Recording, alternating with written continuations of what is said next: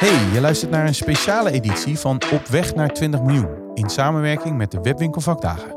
In deze reeks gaan we in gesprek met exposanten en sprekers van het grootste e-commerce event van de Benelux. Met 15.000 bezoekers, 250 e-commerce leveranciers en meer dan 200 sprekers is de Webwinkel Vakdagen al jaren het ontmoetingsplatform voor de gehele e-commerce branche. In zo'n half uurtje praten we met ondernemers en experts over zaken waarmee jij weer betere beslissingen kan nemen in jouw online groei.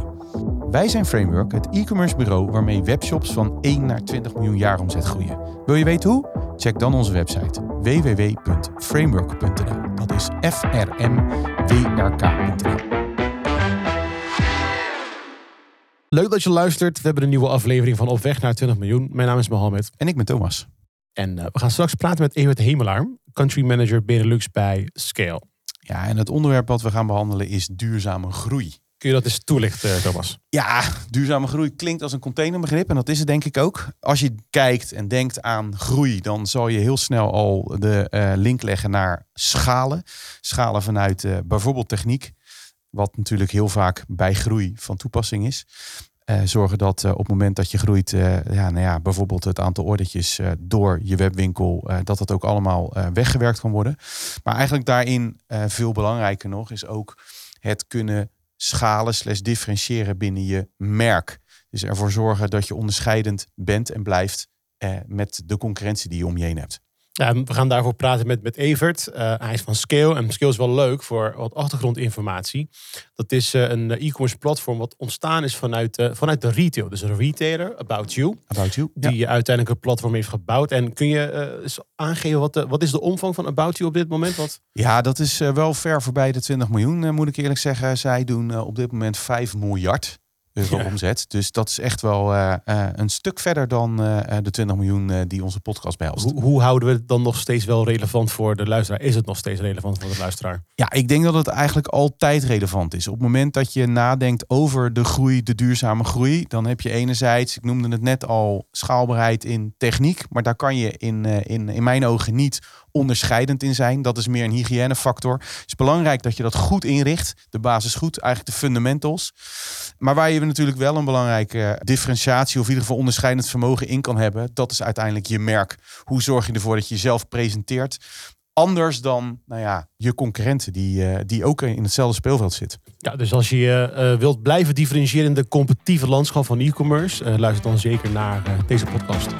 Dit is Op Weg naar 20 miljoen, de e-commerce podcast van Framework, waarin je leert de juiste e-commerce beslissingen te nemen in jouw online groei.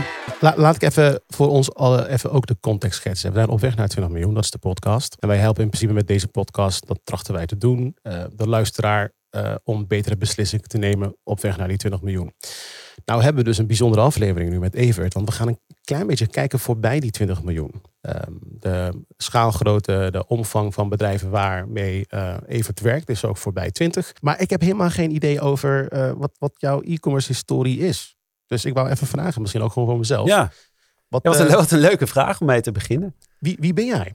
Uh, ja, ja, dat vraag ik mezelf ook wel eens af, ochtends. Ik denk dat, dat, dat mensen zich dat best wel wat vaker mogen afvragen. Want, want ik denk dat je vanuit authenticiteit eigenlijk de beste professional kan zijn. Dus wie ben je? En waar word je nou enthousiast van? En uh, eigenlijk altijd het verhaal wat bij mij uh, gaat, uh, gaat leven, is dat ik ben opgegroeid eigenlijk in een, in een, een heel deftig restaurant. En ja. mijn baas daar, althans de eigenaar, die zei altijd van, joh, mensen betalen hier veel geld. Dus je moest een waanzinnige customer service bieden. Ja, ja, ja. En dat was, uh, nou, ik ben inmiddels 38, dus dat, dat was back in the day, hè, in, de, in de offline wereld.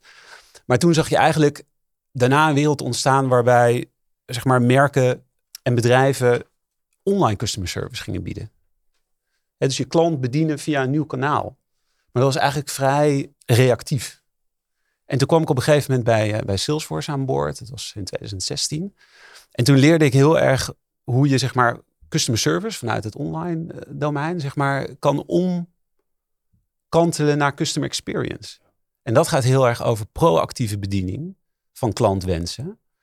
Ja, en dat is denk ik waar we vandaag de dag staan. En wat heel veel uh, bedrijven op dit moment eigenlijk mee worstelen om dat te doen. Om data te vergaren van hun klanten, om te weten wat ze willen En daar producten, services en diensten voor, uh, voor neerzetten. De, de, je bent, ben je een echte commerciële man, zou je dat zeggen? Ja, ja. absoluut. Dat was een mooie ja. Hoorde je dat? Ja, ja zeker. was, absoluut. Ja, je was, overtuigd. Ja, ik ja nee, nee, maar abso absoluut. Ik denk, als je kijkt naar, de, zeg maar, twaalf jaar in mijn professionele carrière, heb ik altijd aan de uh, voorkant van de, de, de commerciële organisatie gestaan. Maar wel altijd vanuit de wensen van de klant. En het oog van de klant. En, en dus het leuke daaraan is, iedereen zegt dat natuurlijk. Alleen ik denk, het is wel echt een kunst om dat ook echt te kunnen doen. Weet je? Want iedereen zegt, ja, de klant staat centraal. We gaan het er straks over hebben, maar hoe, hoe, hoe realiseer je dat? Wanneer begint e-commerce in jouw, uh, in jouw uh, historie? Um, dat uh, is denk ik zo'n zes jaar geleden. Ja. Dat was ook met uh, het huidige bedrijf Skill waar je nu werkt? Of? Nee, ik zit nu. Uh, ik ben ingestapt bij Skill in 2022. Toen Skill is begonnen met de internationale expansie vanuit Duitsland. Hè. We zijn natuurlijk vanuit About You ontstaan. En ik ben als eh, country manager voor de Benelux gestart in eh, mei van 2022. Ja, dus nu bijna, nou, we gaan richting de twee jaar. Ja. Waarop gaan we ons nu aanpassen? Waarvoor gaan we een bepaald fundament nu neerleggen? Waarop gaan we ons voorsorteren? Dat is eigenlijk de vraag. En wat in onze voorbespreking inderdaad, Evert, gaf jij eigenlijk dat er een aantal problemen zijn waar elke retailer mee te maken heeft. Ik denk dat dat een heel mooi begin is om mee te starten. Dus als jij voor ons die drie problemen gewoon één voor één zou kunnen langsgaan. Um, waar, waar hebben we mee te maken in, die, in de e-commerce markt? Ja, ik denk een hele interessante vraag om mee te beginnen. En ik denk, als ik even heel kort een stapje terug mag nemen naar ook het succes van About You, zeg maar het bedrijf waar wij uit zijn ontstaan, was het dat vooruitschijnend inzicht. Dus uh, eigenlijk in de toekomst kunnen kijken en weten wat de consument van morgen eigenlijk nodig heeft. Uh, en destijds toen uh, About You eigenlijk werd opgericht, ging dat met name over er ontstaat een digitale consument. Hè, die niet meer uh, de fysieke winkel ingaat, maar het heel erg prettig vindt om online te kunnen winkelen. Er ontstaat ook een consument die het heel prettig vindt om via het mobiele apparaat uh, te kunnen winkelen en niet meer via de browser. En zo is eigenlijk About You ontstaan vanuit een mobile first gedachte. Um, vanuit de gedachte dat um, ja, je additionele omzetstromen voor uh, de merken waar je mee samenwerkt als platform kunt genereren. Uh, zodat je eigenlijk een, ja, een, een, een spinwiel krijgt van, uh, van groei. En als we dat even vertalen naar ja, de situatie waar heel veel andere e-commerce ondernemers mee te maken hebben op dit moment, dan zou ik ook zeker beginnen bij kijk eens naar wat er komen gaat. en ik denk dat er een drietal dynamieken gaande zijn die ook ons heel erg bezighouden. En ik denk eh, heel relevant zijn voor iedere e-commerce ondernemer. Ik denk het eerste, eerste is dat er echt een, een nieuwe consument opstaat. Hè. We noemen dat ook wel de generatie I en Z, die een heel ander ja, soort van koopgedrag laat zien. Hè. Die uh, kijken niet naar traditionele advertentiekanalen. Die zijn niet meer merkloyaal. Die kopen vooral online. Maar tegelijkertijd zien we ook dat hun bestedingsvermogen alleen maar toeneemt. Ja. dus dat is de consument van morgen waarop je moet kunnen inspelen. als ik kijk naar hoe tieners, wij komen natuurlijk uh, vanuit uh, de fashionwereld. Als je kijkt naar hoe tieners eigenlijk aankopen doen, dan is het natuurlijk met name op social media als TikTok en Instagram en dergelijke. dus hoe bouw je als merk, als e-commerce ondernemer nu een merkverhaal op uh, op dat soort non-traditionele kanalen. Dat is denk ik een vraag waar, waar e-commerce ondernemers uh, mee bezig moeten zijn. Een tweede punt is dat um, de grote platformen, zoals Amazon kennen we allemaal, bol.com, ik koop er iedere dag. Ja. Uh, maar ook opkomende platformen vanuit China, zoals Shein, die natuurlijk met name in fashion zitten, maar ook Timu, hè, als nou, alles in één warenhuis. Ja. Ehm, heel hard de markt aan het veroveren zijn en steeds meer uh, commerciële slagkracht krijgen om kleine spelers uh, buitenspel te zetten. Met veel breder productassortimenten, een fantastisch verhaal eromheen, gamification op hun uh, mobile apps. Ja, ik koop er heel erg graag. Dus hoe ga je dan als zelfstandig ondernemer daar mee om? Want als je kijkt, de, de, de, technologische budgetten, de marketingbudgetten die deze platformen hebben, die zijn gigantisch. Hè? Dus daar kun je gewoon niet tegenop. Dus dat is iets om rekening mee te houden. En ik denk het derde, ja, dat hebben we allemaal gezien, uh, met name in uh, eind 2022, 2023, is dat het economisch klimaat uh, ons niet, hè, het is geen wind die ons in de rug staat. Dus hè, de kost van kapitaal is enorm omhoog, de druk op winstgevendheid is, is enorm hoog. Hè. Dus je moet als ondernemer snel kunnen laten zien dat je je winstmarge op orde hebt om kapitaal te kunnen aantrekken, om toekomstige groei mee te kunnen ja, bekostigen. En ik denk, als je die drie dynamieken even bij elkaar opweegt, dan is het een heel erg lastig klimaat om snel in te kunnen schalen. Toch denk ik dat de kansen zijn. Uh, daar kunnen we het wellicht straks over hebben. Ja, precies. En, en ik frame dat inderdaad volgens mij net bij mijn vraagstelling als de drie, drie problemen. Maar inderdaad, er zijn gewoon drie dynamieken. Het is de realiteit van de markt nu. Alleen dat kan wel leiden tot problemen of leiden tot kansen inderdaad. Thomas, als ik jou mag vragen, weet je wel, in dat, uh, vanuit dat invalshoek. Dus op welke manier zouden retailers hier problemen mee kunnen ondervinden? Nou ja, kijk, eh, laat ze zeggen, als je ze alle drie weer eventjes eh, de revue laat, eh, laat passeren, een beetje afhankelijk van in welke fase je zit. Als je praat over de, de veranderende dynamiek van, van de klant, dan betekent eigenlijk dat je altijd in, in oogschouw moet houden dat je op die verschillende kanalen aanwezig, aanwezig bent. En daar zie je natuurlijk nog wel een uitdaging. denk ik ook wel van op het moment dat je kijkt naar de wat meer traditionele retailers en die gewend zijn om vanuit een winkel uh, zichzelf te manifesteren. En dan uh, de stap naar online moeten maken voor zover ze die nog niet gemaakt hebben, zeg maar. Ja, dan zal je zien dat het alleen maar online actief zijn met een webshop niet meer voldoende is. Dus dat is natuurlijk iets waarbij je te maken hebt met, met dynamiek. Ene kant van een consument die verandert, maar tegelijkertijd ook het weten in welk landschap je actief moet zijn. En dat zijn nogal wat. Als je natuurlijk social media kanalen gaat bekijken, je noemt, noemt er net alleen uh, TikTok, Instagram, nou, ga ze maar af. Vandaag de dag ben je met TikTok bezig en morgen is er alweer een ander platform ontstaan waar allerlei dingen op, op gebeuren. Maar ik, ik vind het wel interessant, want waar ligt dan de uitdaging? Is het zeg maar uh, het veranderen, het mee veranderen. Want hè, als mensen wil je niet veranderen en in zo'n situatie moet je gaan veranderen. Of is het gewoon puur het feit dat, stel je hebt omnichannel benoemd, aanwezigheid op al die platformen met al je producten, dat dat gewoon technisch ook al een uitdaging is. Of, of zeg maar, waar, waar hebben we het dan over? Waarom is dat een uitdaging voor die retailer? Nou, je, je noemt ze eigenlijk allebei. Uh, ik denk enerzijds kennis van de platformen, begrijpen hoe de platformen werken in combinatie met hoe je zorgt dat je je content daarin kan ontsluiten. Dat is al een bepaalde dynamiek. Daar heb je partijen en uh, bureaus voor om je daarbij te helpen, expertise. Maar anderzijds heb je ook gewoon te maken dat je snapt, zeg maar, op welke uh, stiel uiteindelijk jouw nieuwe consument uiteindelijk jou, jouw product wil aan, aankopen. Dat is echt anders dan op het moment dat je in een winkel, in een winkel bezig bent. Ja, ik, ik, denk als we daarop mag aanvullen, ik denk eh, exact wat je zegt. Hè, we hebben die over van 0 naar 20 miljoen, misschien nog wel hè, verder als we ambitieus eh, mogen zijn. Ik denk, dan kom je eigenlijk buiten het traditionele vaarwater als, als, als kleine retailer.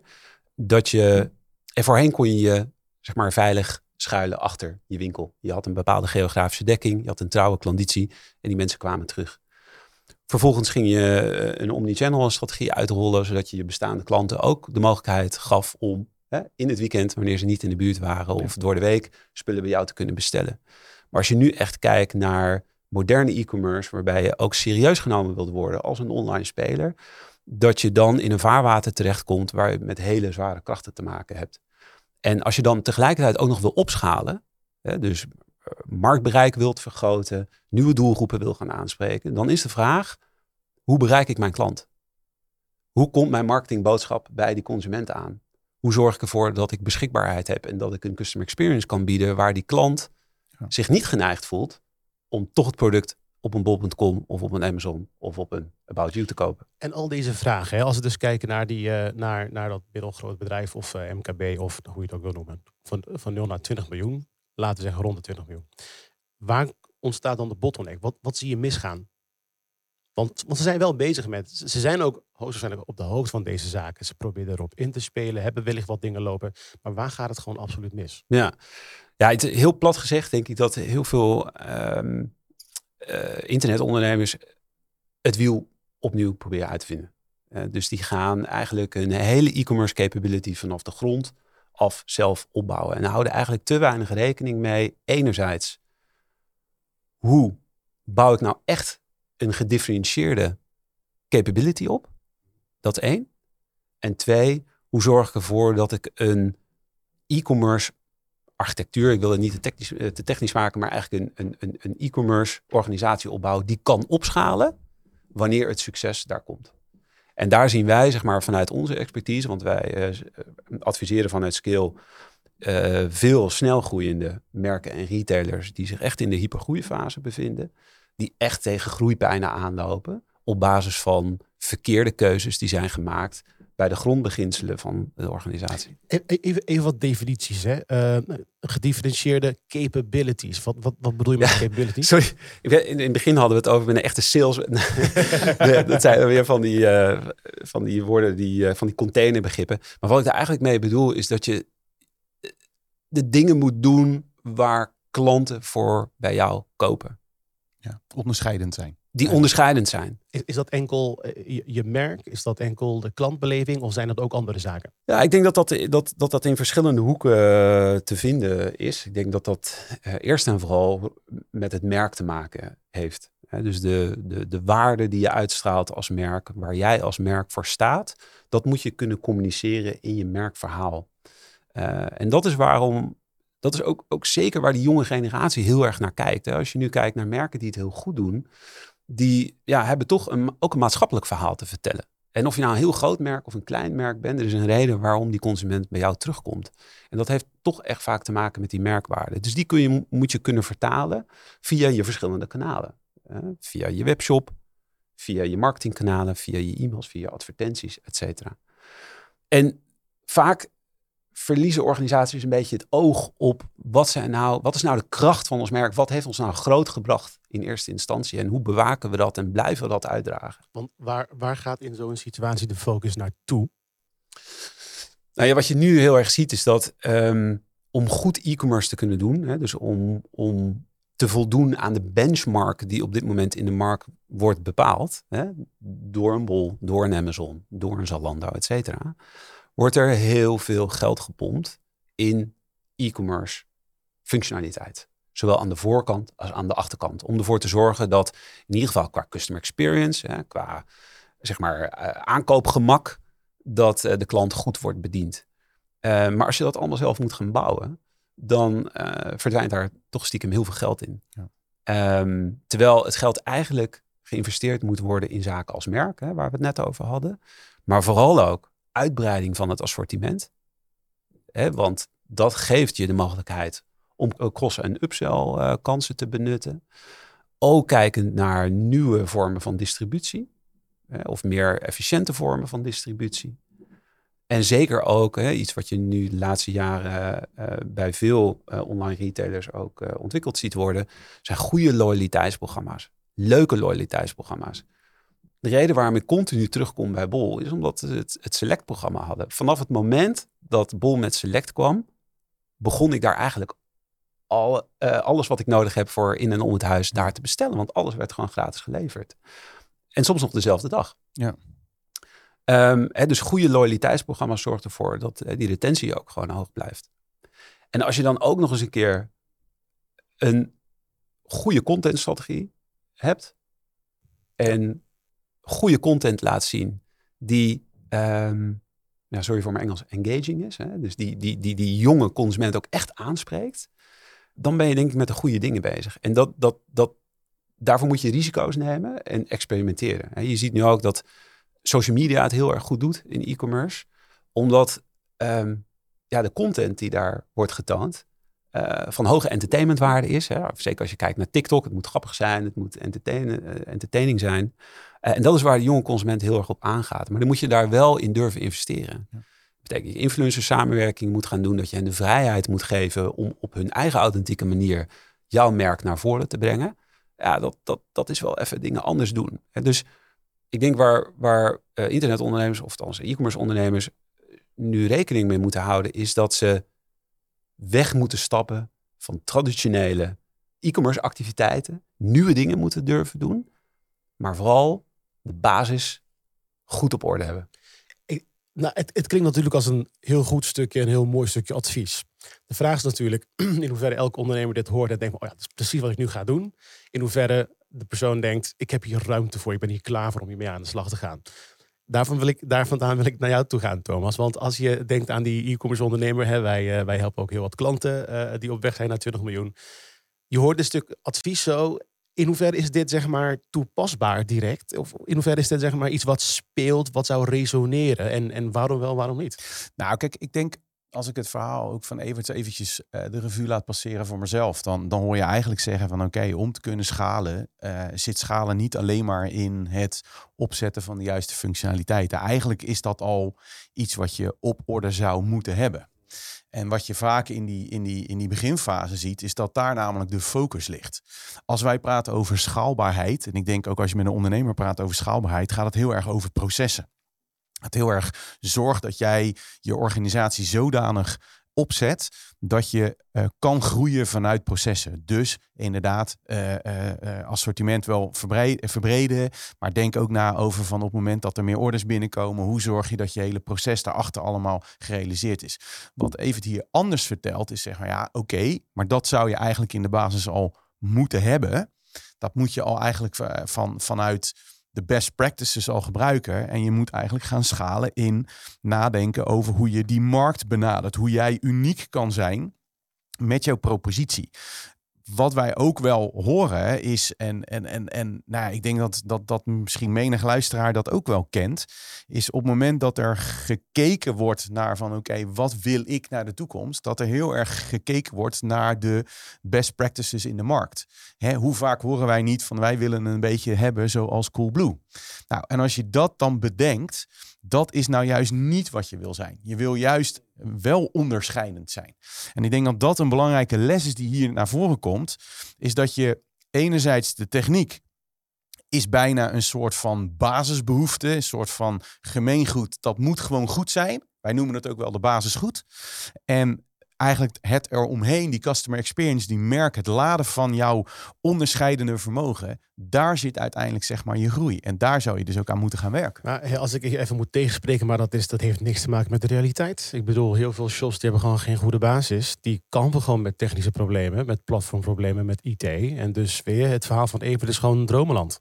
Nou, dat is dus niet waar. Want als je kijkt, nee, dat is natuurlijk zeker niet waar. wel eens. Nee, ja, wel eens niet is. Nee, nee, want kijk, kijk naar de platformen die er zijn. Er zijn genoeg platformen al actief in de markt die gewoon inzetbaar zijn, waar al die processen al goed in zijn geregeld. Tuurlijk hebben we te maken met legacy.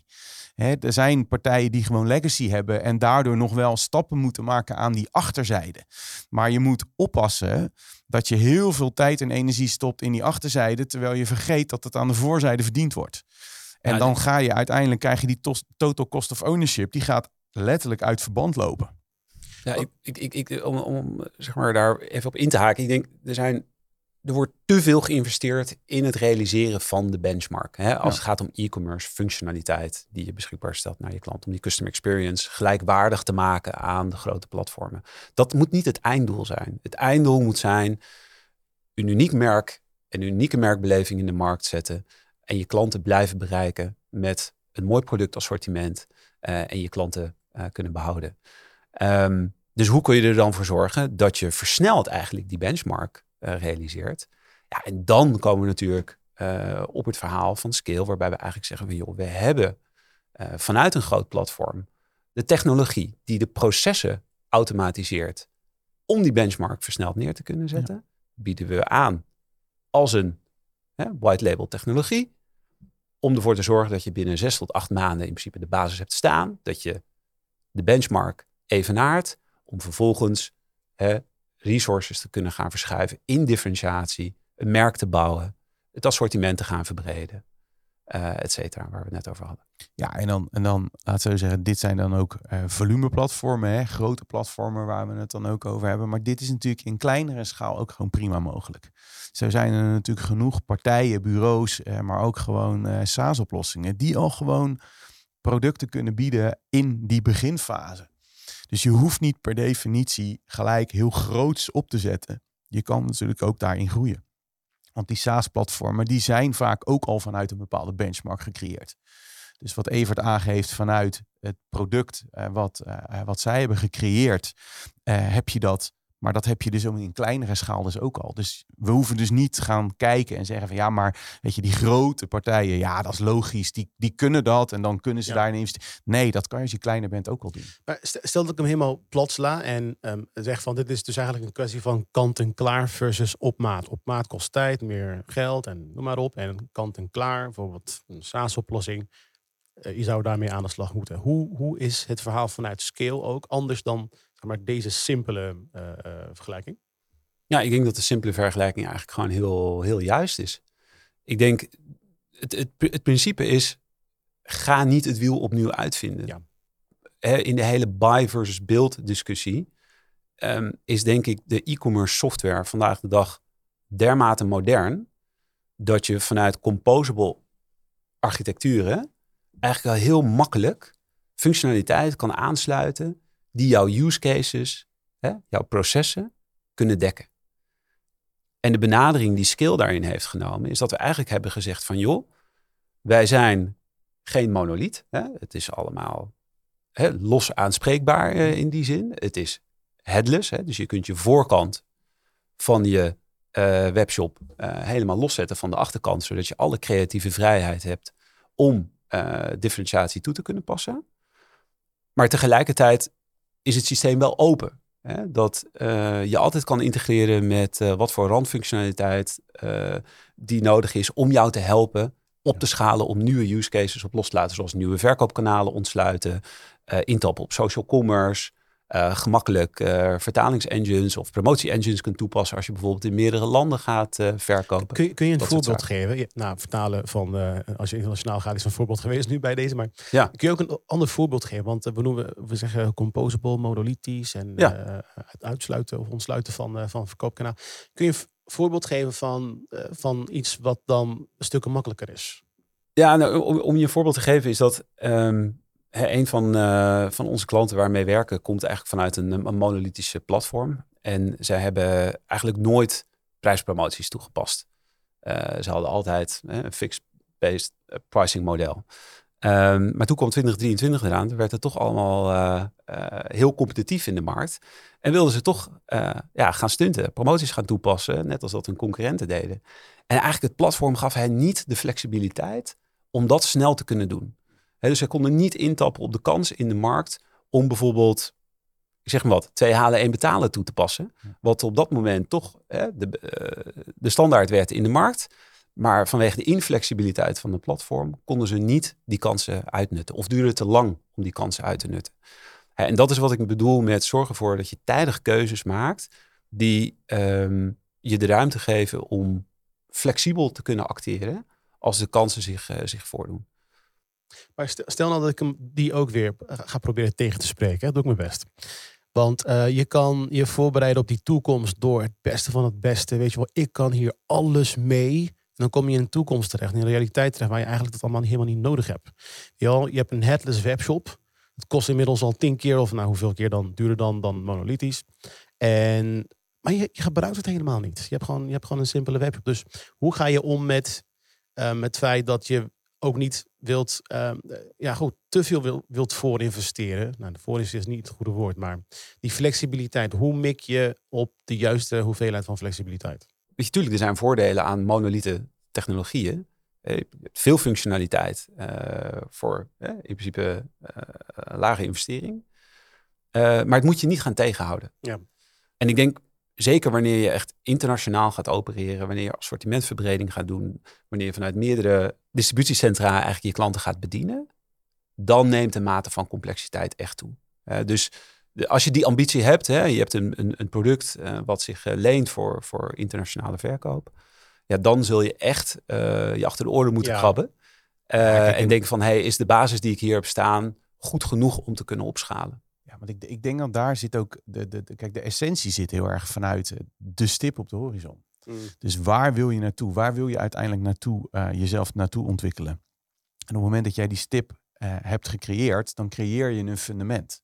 En dat fundament wil niet betekenen dat je iets neerzet wat uh, morgen helemaal opgetuigd moet zijn. Maar het moet een, een, een, een systeem zijn. Het moet een, een, een, een methode zijn waarop je kan gaan bouwen. Hè, wij geven ook wel het voorbeeld van joh, op het moment dat je uh, een, een, een, een flatgebouw wil bouwen.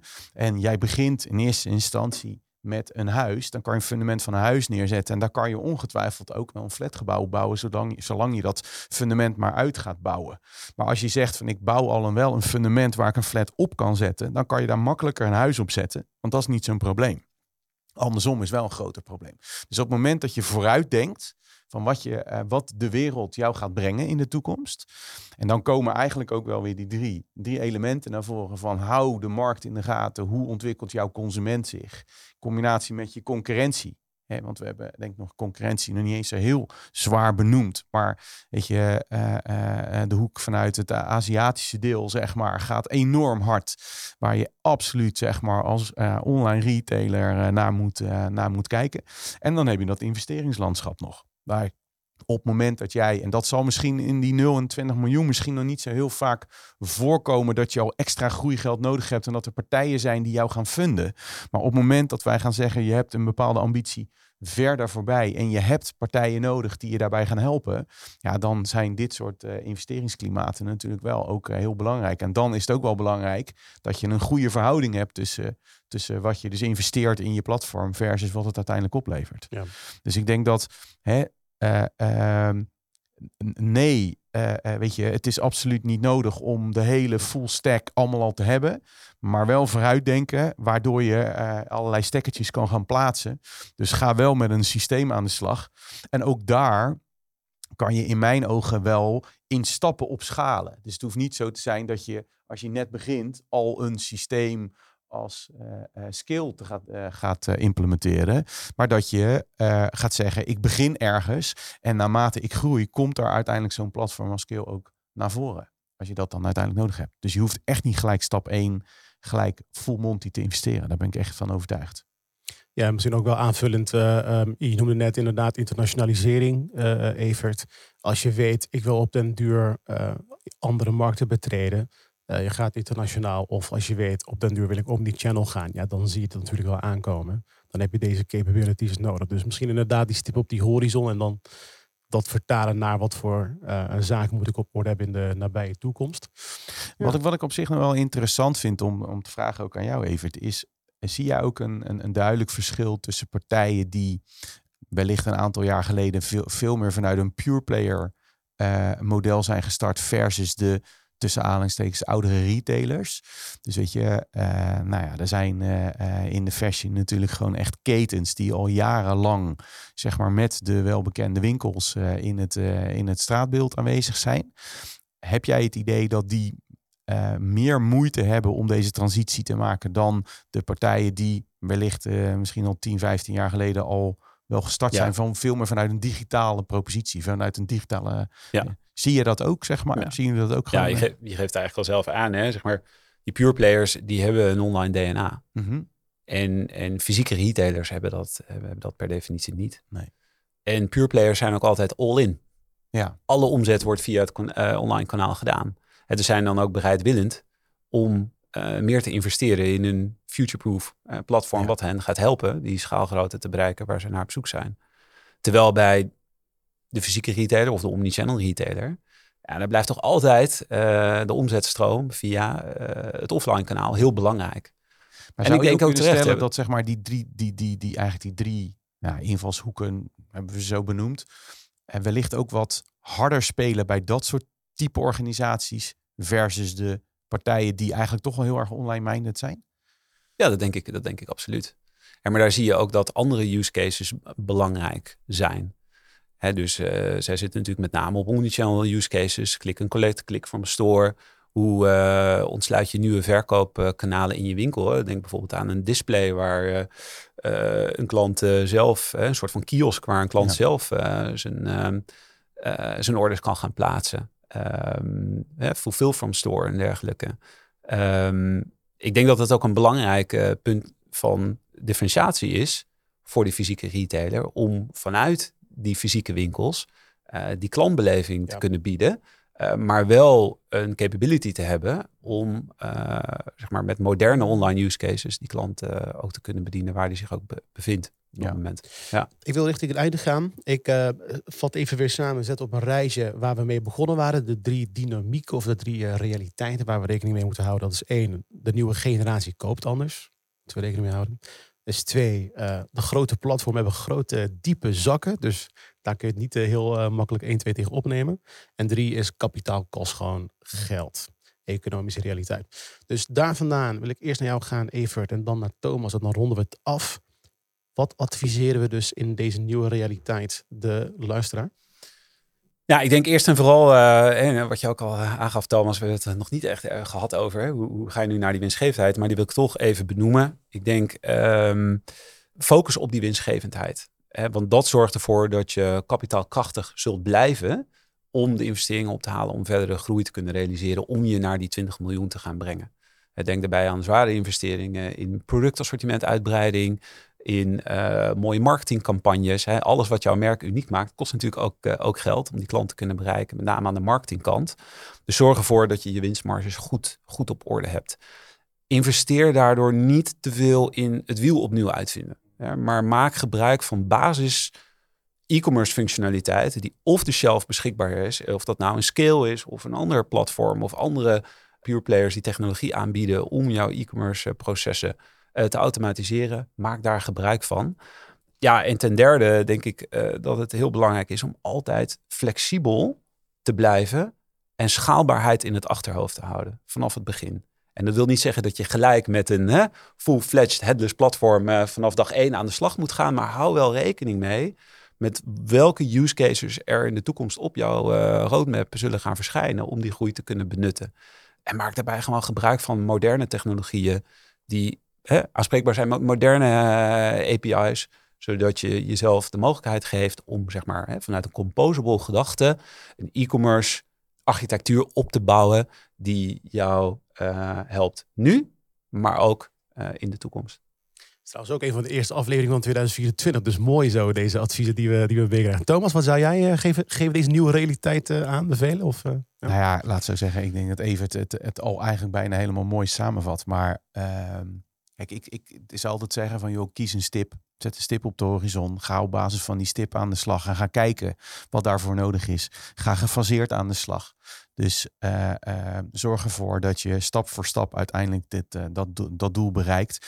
Wat ik in principe wel heel erg interessant vind in, uit dit verhaal is dat ehm, dat je jezelf beter moet realiseren van waar ben ik nou aan, aan, aan het investeren? Ben ik nou aan die achterkant aan het investeren om een schaalbaarheid te creëren? Of ben ik nou aan het investeren aan die voorzijde met meer die toegevoegde waarde van mijn merk ten opzichte van de concurrent? En ik denk dat op basis van dit verhaal uh, uh, je zou moeten concluderen dat die verhouding wellicht uh, wat uh, anders zou moeten zijn. Hè, wat wij zien is dat vaak in techniek veel wordt geïnvesteerd. En dat is eigenlijk om bij te komen bij die best practices, om eigenlijk die basis goed te krijgen, terwijl eigenlijk het, het verhaal aan de voorzijde wordt gespeeld. En zeker in de wereld waar we nu op dit moment in, uh, in aanwezig zijn met die consument, die niet alleen maar de Nederlandse productwebsites allemaal vindt, maar ook inmiddels alle Aziatische apps en dergelijke in veelvoud gebruikt. Dus ja, daar moet je gewoon oog voor blijven houden en laten zien dat jij daar toch onderscheidend in kan zijn, waardoor ze uiteindelijk ook bij jou terechtkomen. Dus ik denk dat dat belangrijk is om, om mee te geven. Mooi advies om het jaar mee te starten. Evert, wij bedanken jou voor jouw tijd. Heel fijn om hier te zijn. Dankjewel. Dit was Op weg naar 20 miljoen. De podcast die je helpt betere beslissingen te nemen in jouw online groei. Ga voor meer afleveringen naar je favoriete podcast-app. En vergeet je niet te abonneren.